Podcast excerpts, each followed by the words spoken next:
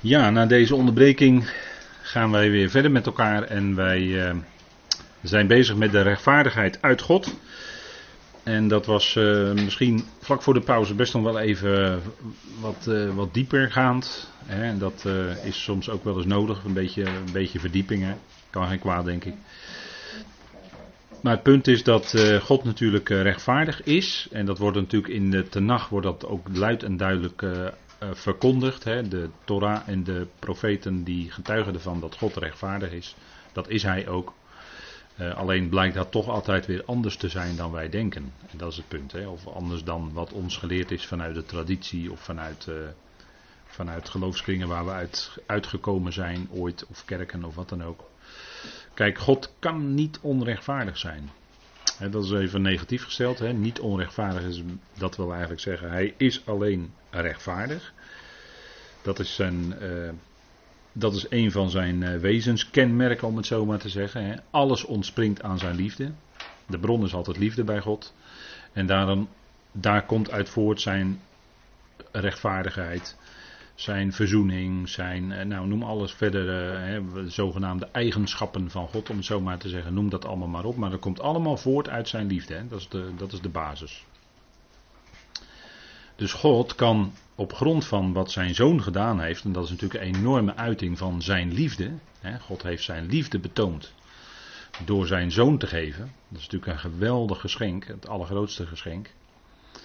En daar zingen we ook wel eens van, dat is ook eh, een fijn liedje. Hè. Maar God heeft zijn zoon gegeven en dat is iets geweldigs. Daarmee heeft hij alles gegeven.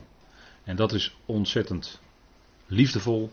Dat getuigt van zijn enorme liefde de agape, waarvan we in het verleden ook wel gezegd hebben, en dat is nog steeds zo hoor, dat is die hoge, belangeloze liefde van God. Hij wilde daarmee zijn hart laten zien. Dat heeft hij laten zien in Christus. En nu heeft zijn zoon, dat hebben we voor de pauze gelezen in Romeinen 3, heeft door zichzelf te geven, heeft hij eigenlijk die zonde gedragen. Johannes zei het al in Johannes 1 vers 29. Zie het lam van God dat de zonde, let op enkelvoud, enkelvoud, dat de zonde van de wereld op zich neemt. Dat zei Johannes toen hij de Heer Jezus zag lopen. En dat kon hij alleen maar zeggen door God geïnspireerd, want dat wist hij niet uit zichzelf. En dat is ook gebeurd.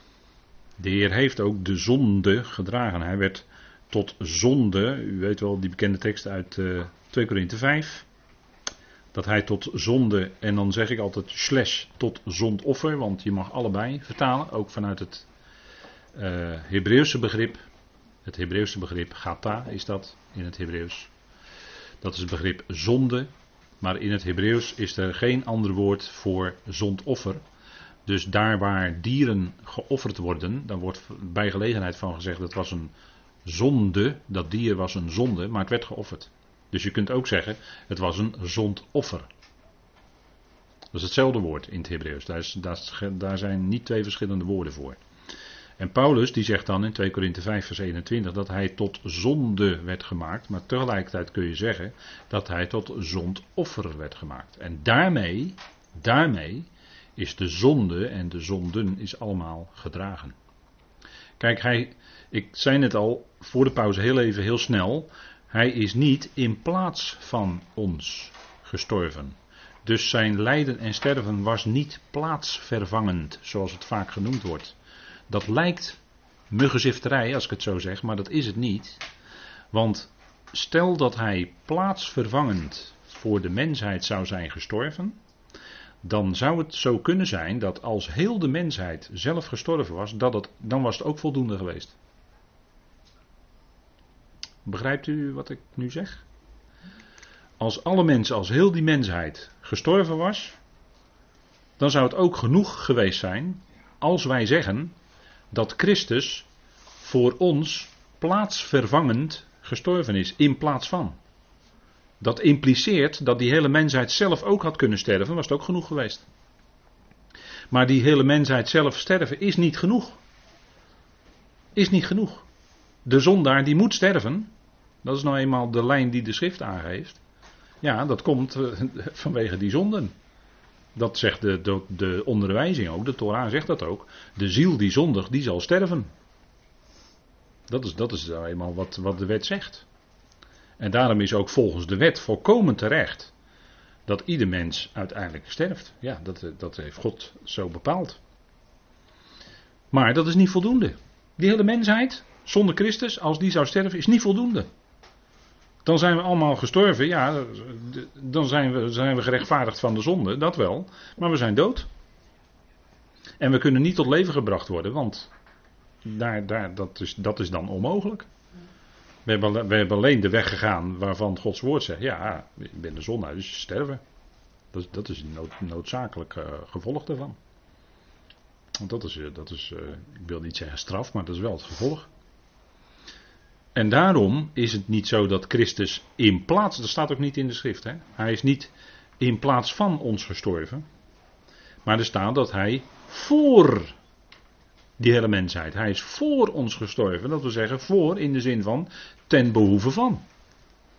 En waarom moest dat gebeuren? Omdat hij de zondeloze was. En alleen een zondeloos offer, om het zo maar te zeggen. Zo was het ook al in de Torah bepaald. moest een volkomen lam zijn. Gave dieren moesten geslacht worden. En dat was natuurlijk omdat het typologisch moest wijzen naar degene die zou komen. En die als gaaf dat wil zeggen zonderloos, zonder dat er één been van hem gebroken wordt, stierf.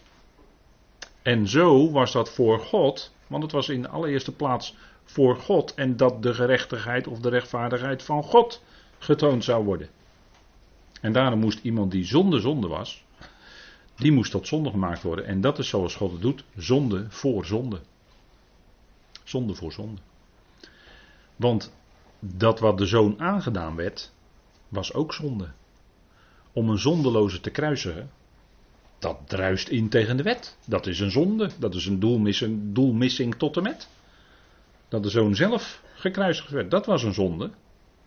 Dat was onterecht. Dat druist in tegen alle rechtvaardigheid. Maar het gebeurde wel, werd enorm onrecht werd, en werd hem daar aangedaan. En door dat onrecht, door die zonde, heft God de hele zonde van de mensheid op. En is het weg. De zon weg. Zo is dat probleem, om het zo maar te zeggen, het probleem, voor God was het niet echt een probleem hoor, maar zo is het probleem van de zonde, want Gods rechtvaardigheid, ja, die vereiste dat wel, dat daar iets mee ging gebeuren. Daar, daar heeft Paulus het over in Romeinen 3. En zo wordt die zonde, werd daarmee opgeheven, werd weggedaan. Hij werd tot zonde gemaakt, opdat wij zouden kunnen zijn, rechtvaardigheid van God, daar heb je hem, in hem. Zegt 2 Korinthe 5. Rechtvaardigheid van God in hem. En zo kan God dus ons rechtvaardig verklaren op grond van dat werk van de zoon. Dat kan alleen op grond daarvan. En terwijl God ons rechtvaardig verklaart, op datzelfde moment blijft God volkomen rechtvaardig als hij dat doet. Want hij kan dat doen op grond van wat de zoon heeft gedaan. Die heeft het allemaal gedragen. En dit is uh, misschien wel wat, uh, wat, wat, uh, wat moeilijk nu, zo op de avond. Hè, maar dan moet u nog maar eens naluisteren. Hè, dan dan heeft, u het, heeft u het een klein beetje een aantal facetten op een rij. Die best wel belangrijk zijn. Want wij zingen zo makkelijk en er wordt zo makkelijk gesproken over het plaatsvervangend sterven van Christus. Ja, bij mij gaat er dan altijd een belletje rinkelen. Nee, dat is niet zo. Dat, is, dat ligt anders. Dat ligt anders. En alleen op die manier is God ook en blijft God volkomen rechtvaardig als hij dat zo doet. Hij verklaart ons rechtvaardig. En dat is natuurlijk geweldig, want dat, ja, daar, daar, daar ben ik dan heel blij mee. Dat een doelmisser zoals ik, en ik denk dat u dat dan ook wel zegt, hè, dat een doelmisser zoals ik, dat ik door God rechtvaardig verklaard word. Omdat ik zo mijn best heb gedaan? Nee, in tegendeel. Want hoe meer ik mijn best ging doen, hoe meer zonden. U weet wel van die appelbomen, die kan alleen maar appeltjes produceren. Je bent een zondaar en wat produceer je dan? Zonden. En hoe harder je gaat werken, hoe meer zonden je produceert. Dus je kan je eigen rechtvaardigheid natuurlijk nooit of te nemen bewerken, zo mogelijk. Maar als je eenvoudig het evangelie gelooft, net zoals Abraham ooit, die ook dat woord van God geloofde, op grond daarvan word je dan rechtvaardig verklaard door God. Die zegt tegen u en mij: Jij bent een rechtvaardige. Hoe is het mogelijk? Ja, dat zegt God, ik verklaar jou rechtvaardig. Ik verklaar jou volkomen rechtvaardig. Je bent eigenlijk een doelmisser, maar ik verklaar jou rechtvaardig. En dat is nou de rechtvaardiging van de goddelozen. In Romeinen 4. En daar ben ik heel blij om hoor. Daar ben ik heel blij mee. En ik hoop u ook. En ik denk het wel. Ik zie allemaal mensen knikken. Dus u bent er ook blij mee. Nou, dan zijn we samen blij. En dat blijven we, want dit is het evangelie. Dit is goed nieuws. Wat we vanavond horen. Dit is goed nieuws hoor. Het ligt niet aan u. Hij heeft het volbracht. Tetelestai, zei hij aan het kruis. Het is volbracht. Dat is voltooid verleden tijd in het Grieks. Het is volbracht. Toen was het ook klaar, dat werk. Hij stierf en God wekte hem op. Dat had God beloofd aan hem en hij geloofde dat. Jezus Christus, het geloof van Jezus Christus. Toen hij stierf, stierf hij in volle overgave aan God. Volle gehoorzaamheid. Want God had beloofd dat hij hem op zou wekken uit de dood. En God deed dat natuurlijk ook. Want hij doet wat hij beloofd heeft. En dat heeft ook te maken met de rechtvaardigheid van God hoor. Hij spreekt en hij doet het ook. Dat is ook een stuk gerechtigheid, rechtvaardigheid. Hè? Zo rechtvaardig is God. En daarachter zit natuurlijk zijn enorme liefde. Want daarmee wil God zien, laten zien aan ons, aan u en mij en aan de hele schepping dat Hij liefde is. En dat Hij u niet voor eeuwig verwerpt. Weg met zo'n leer.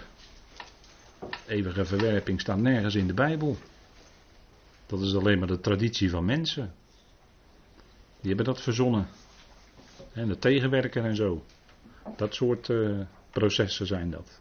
Nee, kijk, God is liefde en komt iedereen tot zijn doel. Er is al voor betaald, al lang al.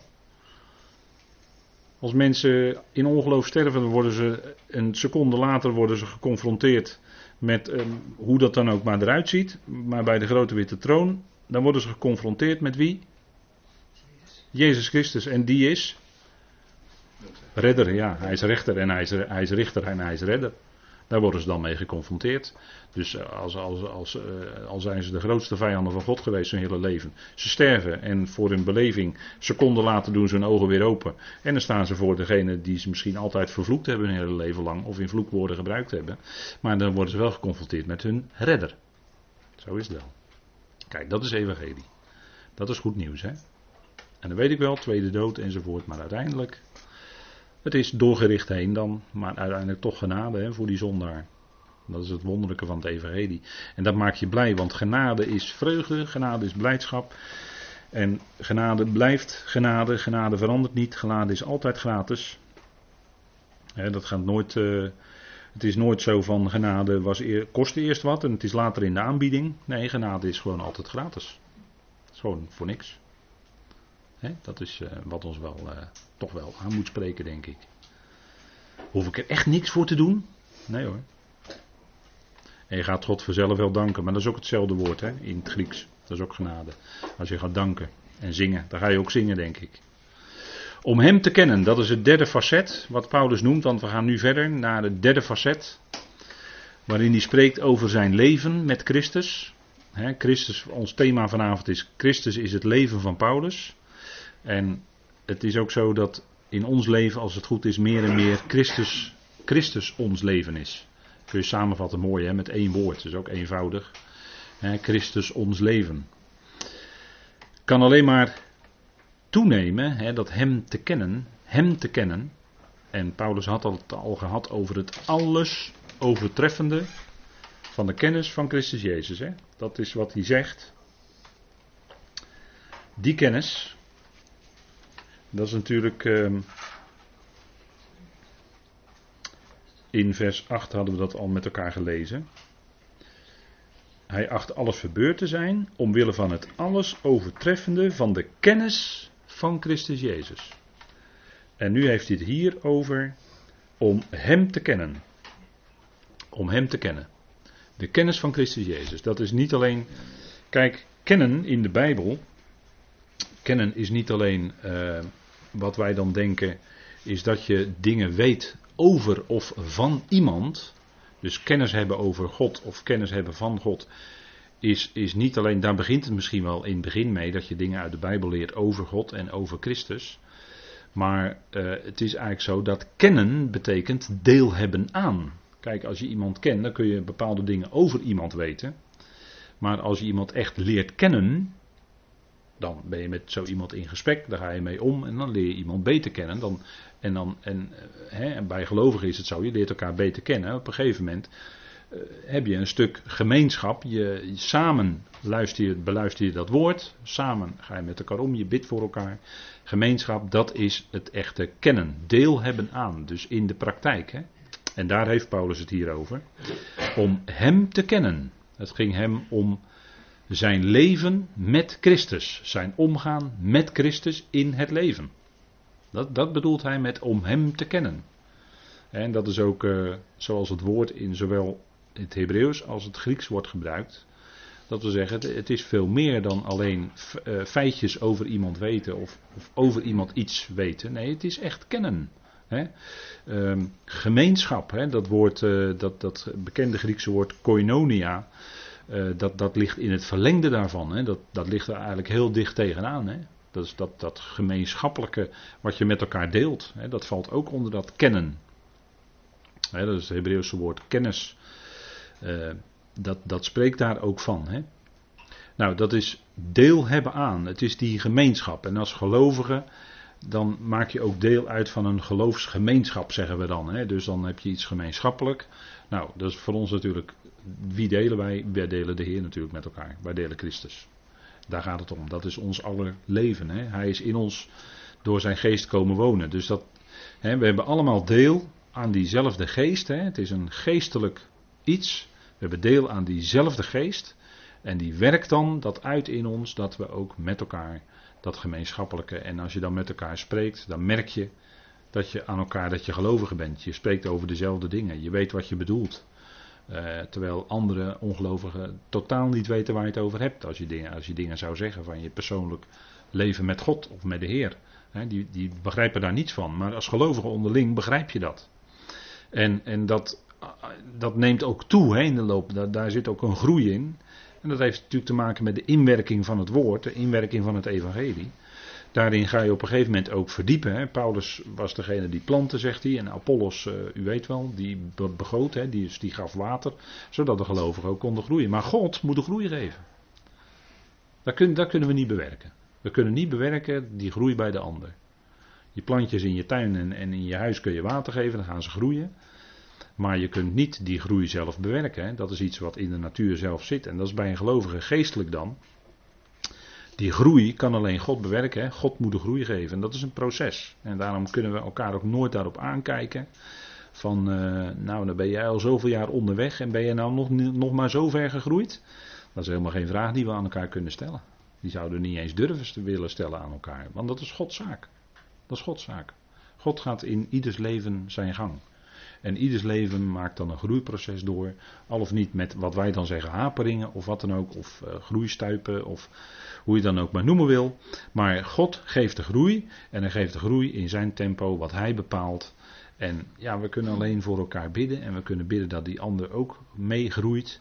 En zich verdiept en verdiept wordt in het woord van de waarheid. Maar dat kun je niet. Uh, dus je, kunt, je kan nooit die ander uh, daarop aankijken. Je kan alleen maar voor die ander bidden. En uh, laat staan dat we met onze vinger gaan wijzen. Dat, uh, dat zouden we eigenlijk zoveel mogelijk vermijden. Hè? Dat met het vingertje wijzen. Dan wijzen ze trouwens altijd drie naar jezelf. Als je dat doet, ja, drie naar jezelf terug. Maar kijk, kennen. Dus kennen, kennen is twee. Maar wat we bedoelen is. Paulus die wilde hem kennen. En dat was bij Paulus heel diepgaand. Want al dat waar hij zich op kon beroemen. Hè, dat liet hij achter zich. En, en dat, van, van dat, laat ik het maar zo zeggen, dat oude ik, hè, dat oude ik, steeds meer rekenen zoals God rekent. Dat is, dat is het geheim eigenlijk, hè, wat we doen. Rekenen zoals God rekent. Kijk, God rekent zo dat wij in Christus een nieuwe schepping zijn. Dat, dat is ook dat stukje nieuwe identiteit. Hè. We zijn een nieuwe schepping in Christus. Zo ziet God ons. God ziet ons niet langer aan naar het vlees, in het oude, maar hij ziet ons aan in Christus. En zo zouden we ook elkaar aanzien. Hè? Geestelijk in Christus en niet langer naar het vlees. We kennen elkaar niet langer naar het vlees, zegt Paulus. Dus ik weer in 2 Korinthe 5. We kennen elkaar niet langer naar het vlees, we kennen elkaar alleen naar de geest als gelovigen in Christus. En zo, En zelfs, Paulus gaat daarin heel ver, hè, want zelfs als wij Christus naar het vlees gekend hebben, zegt hij, nu niet meer. Nu niet meer, hè. Zelfs als wij Christus naar het vlees gekend hebben. Dus dat is, daarom zei ik net in het eerste deel van de avond, het gaat bij Paulus hè, op dat punt waar we het toen over hadden, niet om Jezus, maar om Christus. En, en dat wil zeggen, we volgen niet zijn aardse leven, maar we volgen hem die verheerlijkt is aan de rechterhand van de Vader. Dat is een heel, ander, een heel andere hoedanigheid. En dat is wat Paulus aangeeft, hè? dat is wat de schrift aangeeft. En, en dat is het punt. Hè? En daarom blijven we niet langer bij dat oude, maar we gaan door naar, die, naar dat nieuwe. En dat hield ook in die nieuwe prediking, die prediking van die nieuwe schepping. Dat betekent dus dat je dat oude, die oude schepping, dat je dat achter je laat op een gegeven moment. En dat je dat ook ziet als mede gekruisigd met Christus, hè? want dat is Romeinen 6. Hè, dat oude, die oude schepping, die oude mens, is met Christus mede gekruisigd. hebben we weer hè, het woord van het kruis. Maar dat is heel belangrijk en dat is heel ingrijpend bij, bij Paulus, ook in 2 Korinthe 5. He, indien één voor allen stierf, zijn allen gestorven. Zo rekent God. Hij ziet die hele oude mensheid als gestorven. Dat staat in 2 Korinthe 5, leest u het maar na. He, maar ziet heel die, en zo zouden wij ook rekenen. Wij zouden alleen nog maar rekenen met dat nieuwe, met dat leven van Christus. En niet langer met dat oude. Dat oude ook achter ons laten. En dat wil zeggen ook die oude prediking. En daarom volgen wij niet het evangelie van de besnijdenis, maar wij volgen het evangelie van de vooruit. Het evangelie van Paulus. Wat hij, hij zou verkondigen. En die, die twee uh, met elkaar mixen. Hè, uh, veel me, mensen vinden het leuk om zo'n staafmixer uh, te hanteren. Of zo'n blender heet het tegenwoordig, geloof ik. Hè, kan je lekker blenderen in de keuken. Maar dan meng je, mix je al die dingen door elkaar. Maar als je dat met evangelie gaat doen, dat zou je niet doen, want dan hou je een mengsel over. Dat is niks meer, dat is krachteloos, daar zit helemaal niks in. Daarvan zegt Paulus, dat is geen evangelie. Dan zitten we alweer in de gelaten brief. Maar dat is wel belangrijk om die dingen steeds weer even te laten horen. Want kijk, we zouden volgen dat evangelie van de vooruit. En niet het evangelie van de besnijdenis. Dat is gewoon een andere, andere groep. Ook voor een andere tijd. Dat is voor de toekomst. Op aarde hier. En wij volgen het evangelie van de heerlijkheid van Christus. Dat is dat we boven met hem gezet zijn. En van heerlijkheid tot heerlijkheid gaan. Hè? Nou, dat volgen wij. Hem te kennen. Dat was de passie in het leven van de apostel Paulus. En dat is wat, voor, hè, dat is wat ook onze, als voorbeeld, hè, onze passie. Hè, is dat voor, ook voor u? Uw passie zou ik misschien kunnen vragen, maar goed. Ik denk dat dat voor de hand ligt. En, zegt Paulus, de kracht van zijn opstanding. Daar ligt de nadruk op. Hè. De kracht van zijn opstanding. Hem te kennen, dat houdt tevens in de kracht van zijn opstanding. Niet in de toekomst, dat zullen we in de toekomst ook ervaren. Zeker, en dan in grote volheid. Maar nu al, hè, nu al, daar heeft Paulus het over. Nu al, dat ervoer Paulus ook. Daar spreekt hij over in 1 Korinthe 15. Dan zegt hij: Ik heb meer gearbeid dan zij allen. Meer gearbeid dan zij allen, dan die andere apostelen. Dat kon hij zeggen en dat was ook zo. Was rechtens. Maar dat was niet uh, dat Paulus zichzelf eens even een, uh, een, veer in de hoed stak of uh, zichzelf op de schouder klopte zo. Dat hij, wel nee. Hij zei dat alleen maar omdat de genade van God in hem werkt. Hè. We even, even lezen is een bekend stukje, maar ja, u weet het hè, met bekende stukjes. Als je bij de koffie zit en je eens zo'n gesprek van dan ga je uit je hoofd ga je uit de Bijbel citeren. Dan krijg je heel snel al een raar gesprek. Want je citeert het maar half, of je citeert het niet goed, of niet in zijn tekstverband. Of, hè, hè, je, wel doorpraten bij de koffie over, over die dingen hoor. Wel doorpraten dan, maar pak dan de Bijbel erbij, zou ik zeggen. Hè, als, je daar, eh, als, je, als je eens een keer bij de koffie over de Bijbel praat. Kan hoor, is ook een mogelijkheid.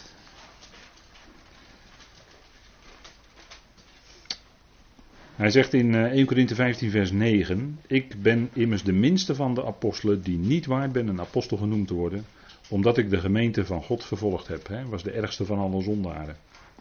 Maar door de genade van God ben ik wat ik ben. Eh, hij heeft het al gezegd. Hè? Door de genade van God ben ik wat ik ben. En zijn genade voor mij is niet te vergeefs geweest. Integendeel. Ik heb mij meer ingespannen dan zij allen. Niet ik echter, maar de genade van God die met mij is. Kijk, nu heeft hij drie keer gezegd, hè. En op twee of drie getuigen staat de zaak vast. Of dan ik het ben of zij, zo prediken wij en zo geloven jullie. zo prediken wij dus in de genade Gods en zo geloven jullie ook in de genade van God. dus dan zegt hij in dat tiende vers, dat is een mooi vers, maar in de genade van God ben ik wat ik ben en zijn genade voor mij is niet te vergeefs geweest. Integendeel, ik heb mij meer ingespannen dan ze allen. Niet ik echter, maar de genade van God die met me is. Kijk, hij gaf alle eer aan God. Het was de genade van God. Dat was die kracht. En wat is die genade als we praten over 1 Korinthe 15? Wat is dan die genade? Dat is die kracht van die opstanding. Dat is die opstandingskracht die in hem werkte. Want daar gaat het over in 1 Korinthe 15, over de opstanding. Dat is even specifiek die genade die hij daar bedoelt. De kracht van zijn opstanding. Dat is een enorme kracht hoor. Daarvan getuigt de apostel in zijn brieven. En met die kracht werkt hij, als we 2 Korinthe 4 erbij zouden pakken. Met die kracht werkt hij in ons, hè? 2 Korinthe 4. Ook wel een mooi stukje. Want ik had het voor de pauze even over dat we oud worden. En eh, met name boven de 80 dan gaan we allemaal kraken en piepen en zo. Dan vergelijk ik het met een oude kar. Maar eh, ik kan het ook vergelijken met wat Paulus doet. En dat is veel beter denk ik. Met die aarde kruiken. Met die aarde kruiken, want dat is wat in de Bijbel staat. Hè? Maar wij, 2 Korinthe 4 vers 7, maar wij hebben deze schat. Dat is Christus. Dat is dat geweldige evangelie. Dat is dat woord. Het evangelie van de heerlijkheid van Christus. Wij hebben deze schat in aarden kruiken. Opdat de, en die zijn broos en naarmate ze ouder worden, worden ze steeds brozer. En breekt er steeds sneller iets af. Opdat de alles overtreffende kracht van God zou zijn. En niet uit ons. Die kracht, hè, dat is die opstandingskracht van Christus. Die werkt, in, die werkte in Paulus, maar die werkt ook in u en mij. En dan ben je tot dingen in staat dat je denkt, hoe is het mogelijk? En als je terugkijkt, hoe is het mogelijk dat dat allemaal heb kunnen doen? Ja, dat was die kracht van God. Dat was de genade van God. Anders had je het helemaal niet kunnen doen. Worden wij in alles verdrukt, maar niet in het nauw gebracht. Wij zijn in twijfel, maar niet vertwijfeld. En die twijfel hier heeft niet met de schrift te maken hoor. Maar dat heeft met dagelijkse praktische dingetjes, denk ik, te maken, die hij bedoelt. Worden wij vervolgd, maar niet verlaten. Want kijk, Paulus onderging, hij had het meest geweldige evangelie wat je maar voor kunt stellen. En hij werd vervolgd. En u kunt in de Bijbel nalezen door wie vooral hij vervolgd werd. Dat vul ik dan nu even niet in. En ieder die dat evangelie van Paulus volgt, wat zal, hem, wat zal diegene overkomen? Ook vervolging. Vroeg of laat zul je vervolgd worden. Vroeg of laat zul je daarom lijden. Zul je verdrukking ondergaan. Om reden dat je het evangelie van Paulus volgt. Om die reden. dus het, uh, het is niet zo dat het leven van een christen een succesverhaal is. En dat het allemaal van een leien dakje gaat. En dat je dan in een hele dikke auto kan rijden. Of in een heel duur vliegtuig kan vliegen. Of dat soort dingen. Dat is het leven van een christen niet hoor. Het leven van een gelovige wordt hier verteld door Paulus. Vervolging, hè, maar niet verlaten. Neergeworpen, maar niet te gronden gericht. Wij dragen altijd het sterven van de Heer Jezus in het lichaam mee. Opdat ook het leven van Jezus in ons lichaam openbaar wordt. Die kracht, hè. Zijn kracht in onze zwakke aardenvaten. Want dat wij een zwak aardevat zijn, dat weten wij. En dat dat een keer eh, heel erg broos wordt, dat weten wij ook. En naarmate je ouder wordt, worden je botten ook broos bijvoorbeeld. Als je dan valt, dan heb je gelijk wat gebroken. dat, is, dat is de gang van ons mensen. Maar die kracht, die werkt in ons. Die kracht van God, die geest van God, die genade van God, die werkt in ons. En dat is het geweldige. En dat zal blijken ook op de dag van de bazuin. want als wij het dan bij leven meemaken, dan zullen we die kracht ervaren. En als we dan al gestorven zijn, zullen we die kracht ook ervaren. Want dan wekt hij ons op. Dat is bij de Bema. Maar in eigen kracht, dat gaat hem niet worden. In eigen kracht gaat het hem niet worden. In eigen kracht, dat gaat heel snel allemaal verbranden bij de Bema hoor. Maar het gaat om zijn kracht. En wat hij doet. En dan zegt u nou, ja, door mij eh, is toch wel eens iemand eh, aan, aan eh, verder, verder verdiept gaan geloven. Door mij, door ik een boekje doorgaf. En dan zegt u misschien wel, nou, dan heeft God met een kromme stok tonnel een rechte slag geslagen. Ja, dat, denk ik ook vaak. Maar dat is het uh, bijzondere, wat God doet. Hij gebruikt juist degene die wij niet zouden kiezen. Want zouden wij Saulus van gekozen hebben? Nooit. Zo'n woesteling die uh, iedereen vervolgde en zo'n fanatieke, die zouden wij niet gekozen hebben. Nee hoor. Wij zouden iemand hebben die heel netjes was en heel aardig en heel vriendelijk. Die zouden wij gekozen hebben. Maar dat doet God niet. God kiest een woesteling die tekeer gaat, fanatiek tot en met. Die uh, ergens, uh, die zouden wij onderaan ons lijstje hebben staan.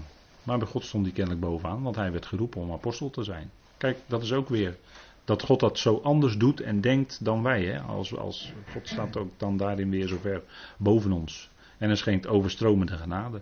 Nou, daar wil ik dan vanavond bij afsluiten.